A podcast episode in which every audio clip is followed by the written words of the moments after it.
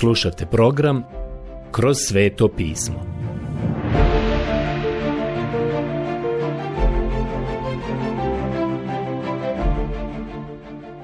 Knjiga Evanđelje po Ivanu. Odlomak Evanđelje po Ivanu, poglavlje 8 od 1. do 11. stiha. Gdje god da ste danas i slušate nas, vjerujem da će vam biti od koristi. Neki od vas slušaju ovaj program tamo na smrznutom sjeveru Kanade. Neki slušaju u snježnoj Novoj Engleskoj, neki na Karibima i dole u Južnoj Americi gdje je sada ljeto. Tako da gdje god da se nalazite danas, vjerujem da će ovo osmo poglavlje Evanđelja po Ivanu imati svoju primjenu u vašem životu.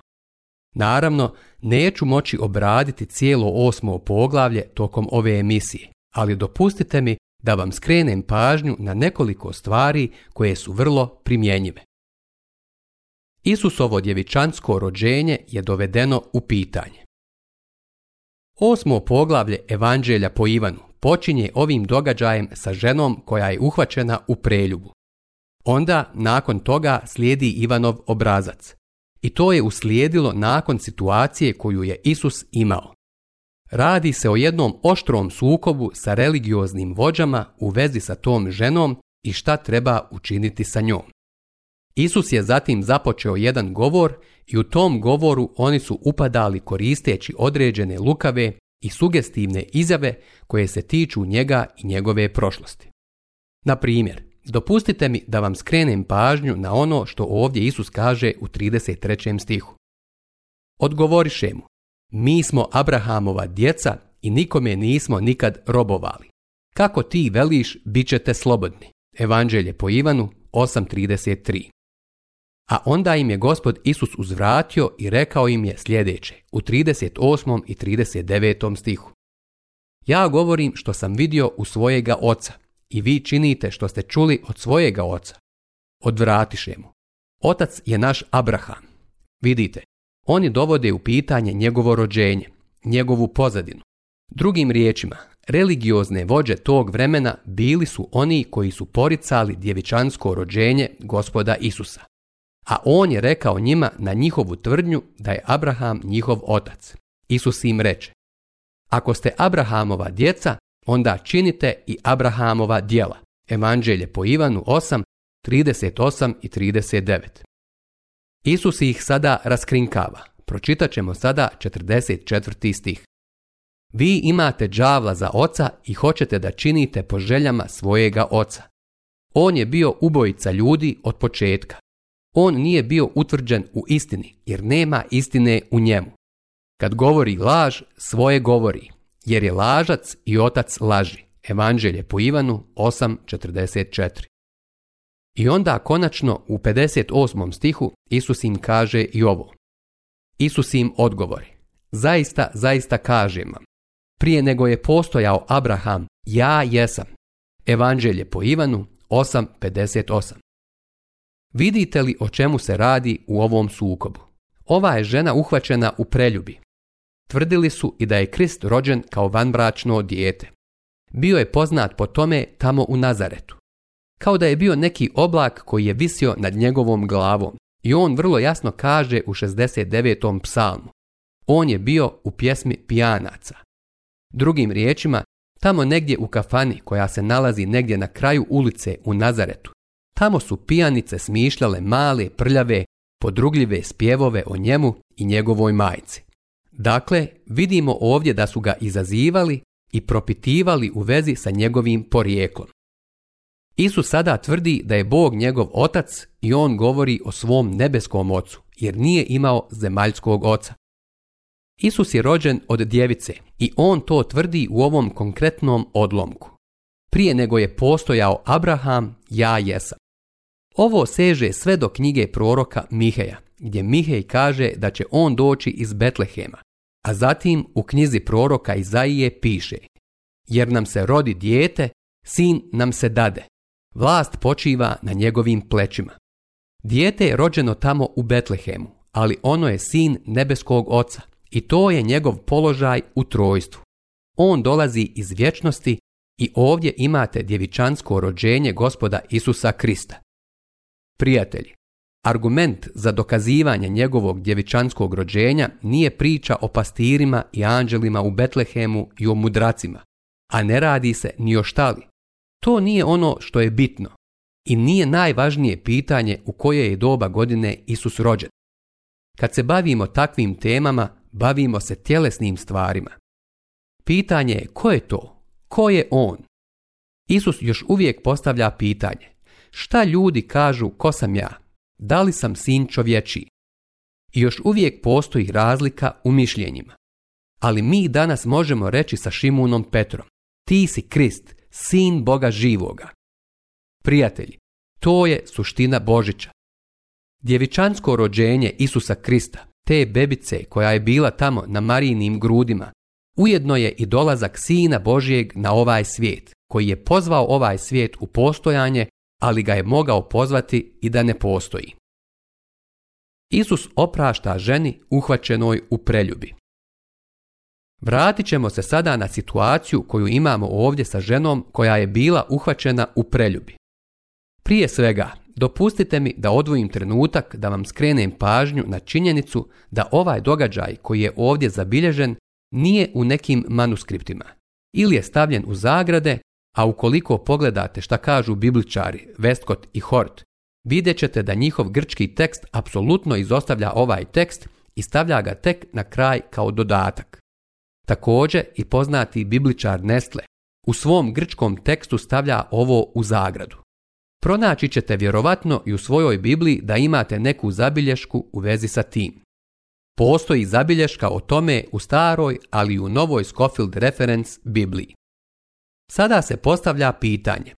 Da li je ovdje u osmom poglavlju Evanđelja po Ivanu u prvih 11 stihova Opisani događaj sa ženom uhvaćenom u preljubi zaista dio Biblije ili nije? Pripada li to riječi Božjoj? Ja želim zauzeti stav da to pripada riječi Božjoj i daću vam svoje objašnjenje za to. Naravno, sama činjenica da se nalazi u nekim rukopisima je zanimljiva. Kako je ovaj tekst dospio tamo? I zašto je onda eliminisan iz nekih drugih manuskripta? Reći ću vam da je moje objašnjenje toga jednostavno ovo.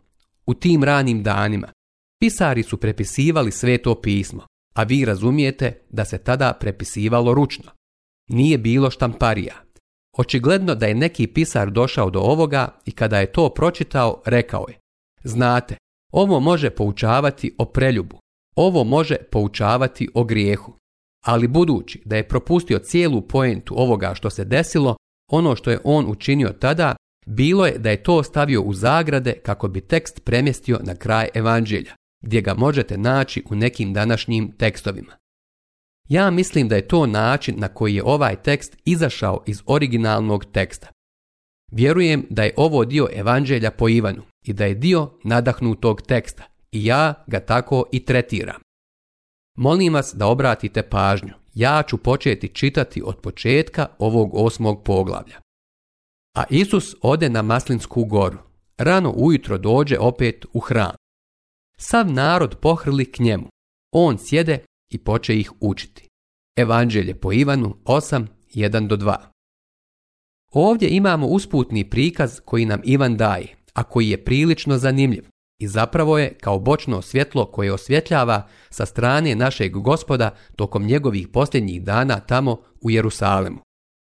Zapravo nam govori nešto sasvim drugačije od onoga kako se završilo prethodno poglavlje, a završilo se riječima i odoše svaki svojoj kući. Evanđelje po Ivanu 7.54 I usput govoreći, taj stih je dio ovog događaja ovdje i isključen je kao što je cijeli događaj ovdje u osmom poglavlju isključen iz nekih manuskripta. Ja ne samo da vjerujem da ovo pripada ovdje, već nam to daje prekrasan pogled na našeg gospoda. I odoše svaki svojoj kući. Bilo bi divno da je Isus bio pozvan u nečiju kuću ili u nečiji dom. Neko će možda da kaže sada, oni su tada bili tvrdi, ali mi danas smo gostoljubiviji. Jesmo li? Pitam se u koliko domova je gospod Isus danas dobrodošao. Pitam se nije li možda djeda mraz u mnogima glavni gost, a međusobno darivanje darova na najvažnijem mjestu. Međusobno darivanje je po meni vrlo lijep običaj. I imati božićno drvo je lijep običaj. Međutim, ako ga štujete, naravno, to je onda pogrešno, ali mislim da čak ni najveći pagani ne štuju božićno drvo. Lijepo je imati jedno, ono također potiče iz paganstva, ali mogu li reći da su te stvari slučajne? Važno je da li je Isus danas dobrodošao u vaš dom. I odoše svaki svojoj kući toga dana, a Isus ode na Maslinsku goru. To znači da je proveo noć vani. Rano ujutro dođe opet u hram. Sav narod pohrli k njemu. On sjede i poče ih učiti. To je bio položaj učitelja u ono vrijeme, da sjedne i govori. Molim vas obratite sada pažnju na sljedeće. Tada pismoznanci i farizeji dovedoše ženu zatečenu u preljubu. Postaviše je na sredinu i rekoše mu. Učitelju, ova je žena sada zatečena u preljubu. Evanđelje po Ivanu 8, 3 do 4. Prijatelji, ne pada mi na pamet ništa grublje i brutalnije od onoga što su ti vjerski poglavari učinili. I danas imamo puno takvih kršćana. Bojim se da su neki takozvani fundamentalisti jednako grubi, jednako brutalni i jednako neprijatni kao što su bili ovi ljudi. Sada želim da pogledamo ovu scenu. Naš gospod sjedi u hramskom prostoru i poučava ljude. Vidimo da nastaje prava galama vani. Zvuči kao rulja, a i jeste. Evo dolaze ovi vjerski poglavari, vuku ovu ženu. Ima razbarušenu kosu i prkosna je. U to možete biti sigurni. I kako se približavaju, ljudi se prirodno počinju okretati i gledati da vide šta se događa tamo. I oni dolaze i dovode je tačno usred mjesta gdje je gospod Isus poučavao. Tamo je bacaju pravo na zemlju, a onda slijedi ovaj grubi napad. Učitelju, ova je žena sada zatečena u preljubu, Želim vam reći da je bila kriva, jer i naš je gospod nazvao grijehom ono što je učinila. Rekao joj je, idi i od sad više ne griješi. To je grijeh, ali stvar je u tome da postoje različiti načini rješavanja ovakvih stvari. Ovo je bilo brutalno, ovo je bilo okrutno. Mogu vam reći, po mom sudu, ovim muškarcima je jednako žao kao i njoj. I mislim da ćete to vidjeti upravo ovdje. Mojsije nam je zapovjedio u zakonu da takve kamenujemo. A što ti veliš? Evanđelje po Ivanu 8.5 Sada se ne možete protiviti tome, jer činjenica je da ono što piše u knjizi Levitskog zakonika, koju smo već proučavali, da je sve to bio Mojsijev zakon i nema načina da ga ublažimo. U knjizi Levitskog zakonika 20.10 piše sljedeće. Ako netko sagriješi sudatom ženom, sa ženom svoga bližnjega, moraju se smrću kazniti preljubnik i preljubnica. To je sasvim jasno, zar ne? Molim vas da sada obratite pažnju na sljedeće. Mojsije nam je zapovjedio u zakonu da takve kamenujemo. A što ti veliš? Vidimo ovdje sada kako pokušavaju da ga dovedu u dilemu. Hoće li protivriječiti Mojsiju ili će sada reći nešto drugačije? hoće li ponuditi neko drugo objašnjenje. Sada primijetite. Tim pitanjem htjedoše ga iskušati, da bi ga mogli optužiti. Isus se sagnu i stade pisati prstom po zemlji. Evanđelje po Ivanu 8.6 Drugim riječima, nisu to učinili jer su htjeli kamenovati ovu ženu.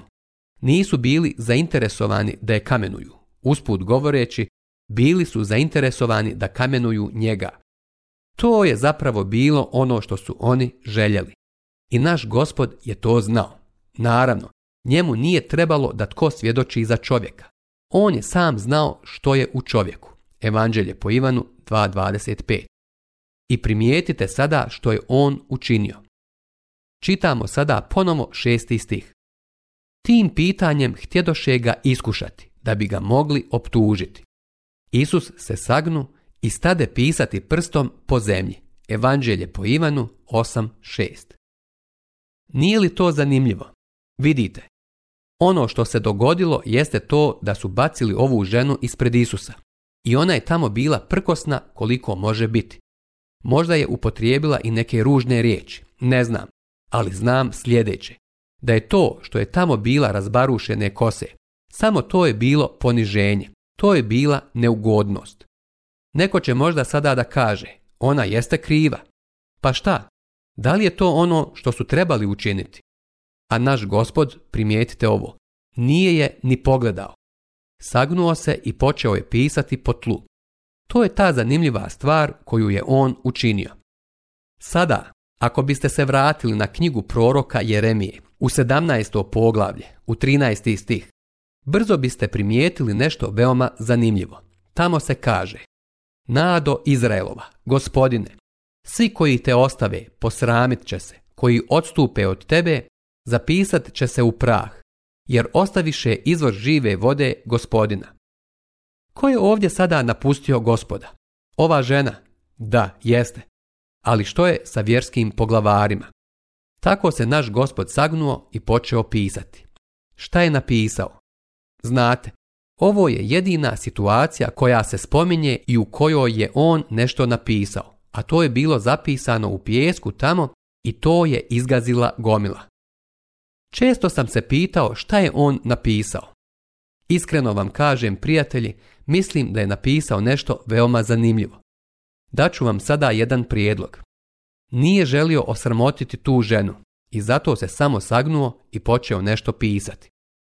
Kako su ga neprestano ispitivali, on se uspravi i reče im. I dalje on ne gleda u tu ženu. Tko je među vama bez grijeha, neka prvi baci na nju kamen. Evanđelje po Ivanu 8.7 Zašto je to rekao?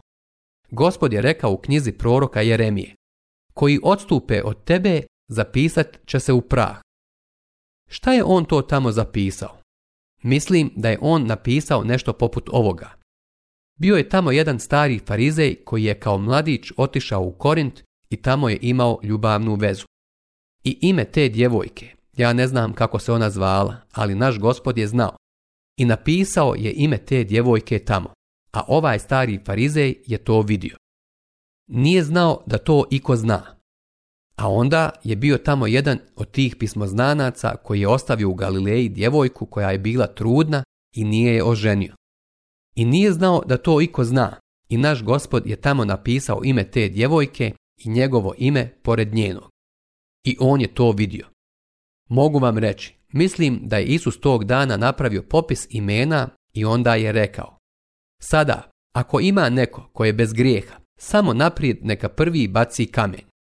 Prijatelj, ne znam za vas, ali mogu vam reći da je ovo na mene još davno djelovalo tako da prestanem da bacam kamenje na druge. Vjerujem da će identično djelovati i na mnoge od vas.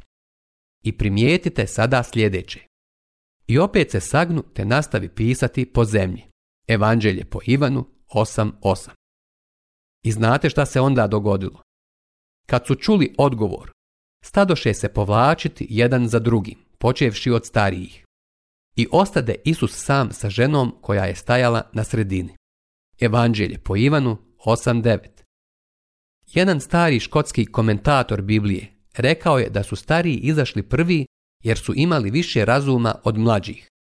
Mlađi su se motali tamo, ali kada su vidjeli svoje ime, konačno su shvatili i otišli tako da zapravo tamo više nije bilo nekoga da može baciti kamen na nju, osim samog Isusa. On je mogao baciti kamen na nju, ali primijetite sada. I ostade Isus sam sa ženom koja je stajala na sredini. Isus se uspravi i upita. Sada je pogledao oko sebe i ova gomila vjerskih poglavara više nije bila tamo. Svi su otišli. Vidite, nisu bili u poziciji da bacaju kamenje. Kakvi su to licemjeri bili?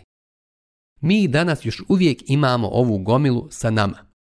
Molim vas obratite sada pažnju na to šta je bilo dalje. Ženo, gdje su oni dakle? Nitko te ne osudi. Nemojte mi reći da naš gospod nije imao smisla za humor. On kaže, gdje su tvoji tužitelji? Zar te niko nije osudio? On je čuo svu tu buku i vidio rulju koja ju je pravila. A sada nema nikoga i sve je tiho. On kaže, zašto nema ni jednog čovjeka da te osudi? Ona odgovori, nitko gospodine. Tada reče Isus, ni ja te neću osuditi. Idi i od sad više ne griješi. Evanđelje po Ivanu 8, do 11. Ovaj koji je sin djevice, njega samog su pratile razne glasine cijelog života, a sve to kako bi mogao zauzeti tvoje i moje mjesto. On ide na križ da preuzme na sebe čak i grijeh ove žene. Prijatelji, to je ono što je on i uradio. Ni ja te neću osuditi. Idi i od sad više ne griješi.